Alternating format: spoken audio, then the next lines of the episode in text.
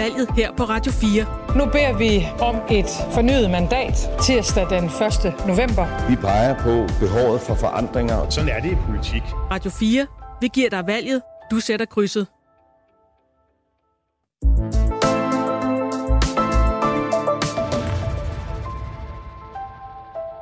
Der er kun fire dage til, vi skal i stemmeboksen. Derfor dedikerer vi nu noget tid her i Aften Radio til, at du kan stille dine spørgsmål om valget. I aften der kan du stille dem til Henrik Bæk Seberg. Han er lektor ved på Institut for Statskundskab ved Aarhus Universitet. Og så ved han rigtig meget om politikernes strategier, og hvorfor de siger, som de siger, og gør, som de gør, især under sådan en valgkamp. Så hvis du sidder derude med spørgsmål til aftens ekspert, så send en besked ind til mig lige nu. Nummeret er 1424. God aften, Henrik Seberg. God aften. Der er en masse strategi i sådan en valgkamp. Øh, der er vel nærmest ikke andet. Så jeg vil gerne starte med at spørge dig. Øh, nu er vi ved at være ved vejs ende i valgkampen. Der har været ufattelig mange personsager og mudderkast på tværs af fløjene. Hvorfor er det en god strategi af partierne i sådan en valgkamp? Ja, øh, det er en øh, god strategi, fordi at øh, det er øh, studier, i forskningsstudier viser, at øh, når politikerne de øh, kommunikerer negativt, så er der simpelthen mere, der kommer for eksempel i medierne, og der er simpelthen også mere, der går ind på lystavlen ved vælgerne. Så negativ kampagne, altså det her med at tale dårligt om sine modstandere, det øh, passer godt på mediernes nyhedskriterier, altså det handler om konflikter og personer, men det taler også til vores øh, hjerne, til vælgernes hjerne, øh, fordi det fokuserer på noget, som, som øh, på en eller anden måde er ubehageligt, måske noget, vi gerne vil undgå, og der er den menneskelige hjerne simpelthen indrettet til at tage imod sådan en type information. Så det giver faktisk mening, øh, desværre. At, øh, at ja. Nå, okay. Jamen, øh, lad os tage et spørgsmål mere. Øh, det her det kommer fra en lytter fra Aalborg. Øh, jeg ved ikke, hvad, hvad navnet er, men spørgsmålet lyder, hvad er grunden til, at Lars Lykkes nye udspil om folkepension overhovedet er politisk? Jeg ved ikke, om det er inden for din ramme, Henrik Seberg, men kan man sige noget om, om hvor grænsen går for, hvad der er et politisk udspil, og hvad der bare er ja, en, en tanke? Øh, ja, altså jeg kan egentlig godt følge spørgsmålet, fordi at, at det jo er et, et forslag, som, som vist nok øh, først skal indfases om mange, mange, mange år. Men sådan er det faktisk tit med velfærdsreformer, at øh, de bliver aftalt lang tid før de rigtig slår igennem.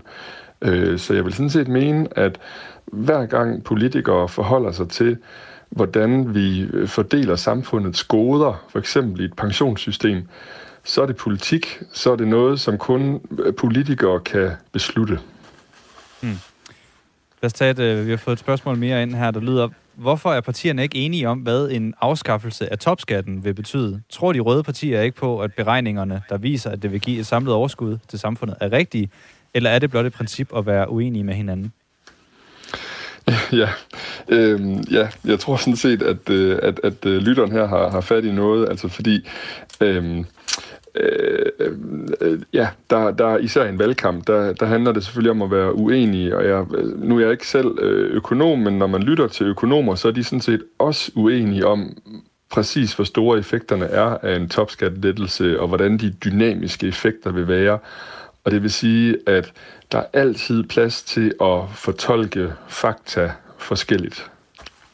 Det er jo altid også fedt at være den, der har foreslået et forslag. Og hvis der er så andre, der foreslår det, så kan man jo sige nej, og så foreslå det selv en uge senere. Ja, ja. Vi kan lige nå en sms fra Sten også. Han skriver, er der en taktisk grund til, at jeg ikke kan få et klart svar på, om pensionister fortsat skal have mindre i pension, hvis de er gift eller samboende med en person uden indtægt eller med? Er der noget taktik i det? Uha. Øh, det er jo sådan en, en situation, jeg tror mange vælgere egentlig står i, at der er et eller andet, der, der optager dem særlig meget, og de kan ikke rigtig få politikerne til at være klare. Øh, mit indtryk er, at, at politikere, det vi skal huske her, det er, at det politikere lover i en valgkamp, det vil de også blive holdt op på efterfølgende, og det, det kan eventuelt også ja, låse dem efterfølgende og gøre det sværere at forhandle med de andre partier i Folketinget. Så jeg tror generelt, øh, mit indtryk er, at politikere de, øh, de er tilbageholdende med at blive alt for konkrete. Det er lidt ligesom med Mette Frederiksen udspil om, om, om løn til øh, velfærdsansatte. Øh, der er hun også tøvende med at blive alt for præcis. Ja, vi så det også med Lars Løkke, der ikke ville pege på en, en statsminister, som, som endnu et eksempel på det her med ikke at ville vil helt stå ved, øh, hvor man egentlig er i, øh, i en valgkamp. Ja, der er simpelthen forskning, der viser, at, øh, at den, man kalder det sådan en tvetydighedsstrategi. Altså hvis du kan tale en lille smule øh, uklart, så, er der sådan, så, så, så kan der være flere, som føler sig hørt eller repræsenteret eller set i det, man siger. Og på den måde kan man måske trække lidt bredere, øh, end man ellers kunne. Nogle af de sager, der jo har fyldt rigtig meget i valgkampen, det er netop det her med, øh, med lønudspillet for, for Socialdemokratiet øh, og for andre partier også, og så Øh, for eksempel om, om Lars Lykke vil øh, pege på en øh, statsminister i så fald. Hvem, hvad, hvad er din oplevelse af valgkampen? Har der været rigtig mange af de her tvetydighedsargumenter i år, eller har vi bare fokuseret mere på det? Øh, jeg synes, at det har været en valgkamp, der har været karakteriseret ved, at vi har, at vi har haft meget lidt sådan en dyb, lang diskussion om et eller andet. Altså prøv at tænke tilbage på 2011-valget, hvor der var de her 12 minutter over for øh, en, en, jeg mener, det var en pensionsreform. Altså der kom man virkelig langt omkring det her emne her. Det var sådan en gennemgående tema for valgkampen dengang. Jeg synes, den her valgkamp her, den har været noget mere sådan omskiftelig og måske også lidt mere overfladisk af den grund, fordi man ikke, vi har ikke rigtig fastholdt opmærksomheden på et eller to emner, som, som ligesom så ud til at blive definerende eller afgørende for valget. Mm. Vi hopper, jeg vil hoppe videre til en sms, som uh, Lars han har sendt den. Han skriver, øh, jeg ved stadig ikke, hvem jeg skal stemme på. Jeg føler ikke, jeg er blevet klogere i valgkampen. Det taler også lidt ind, i det her med, hvor meget uh, substans der har været, og hvor meget der har været modkast. Uh, Lars skriver, sådan er det altid. Uh, er det også dit indtryk, at, at i sådan en valgkamp, at det er ikke så meget politik, man får at forholde sig til? Øh, ja, ja, jo, altså det kommer nok lidt an på, hvor man følger politik henne og, øh, og så videre. Jeg tror, at politikerne ville blive, blive ked af det i hvert fald, hvis vi øh, konkluderede, at der ikke er noget politik i det. Øhm, men jeg, jeg synes jo, det der er lidt særligt ved den valgkamp, vi har her, det er, at der er igen, og i, måske i særlig grad nu, rigtig mange partier. Ikke? Det, det, det er med svært at overskue, hvordan de er uenige på kryds og tværs på en hel masse forskellige emner. Og, og igen synes jeg heller ikke, at, at valgkampen, øh, hvis den nu havde samlet sig om et eller to emner, øh, som vi så øh, klart kunne sige, når okay, enhedslisten står der, øh, Danmarksdemokraterne står der, og så kan jeg trods alt kun forholde mig til det ene emne, når jeg skal vælge øh, der føler jeg, at det her det er, sådan, er noget mere øh, det, man kunne kalde en kakofoni, altså en hel masse lyd eller støj i rummet, ikke, hvor du næsten ikke kan, kan tænke klart.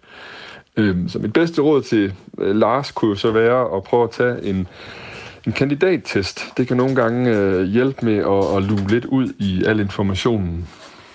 Der er en øh, lytter, der heller ikke har skrevet et navn, der siger, at ideologierne er døde, nu handler det bare om at være populistiske. Er det, er det rigtigt, at, at nu, kan man sige, nu er der jo opstået en lilla blok, øh, så der er ikke kun to blokke længere, men, men det her med ideologiske partier, er det ved at være udvandet?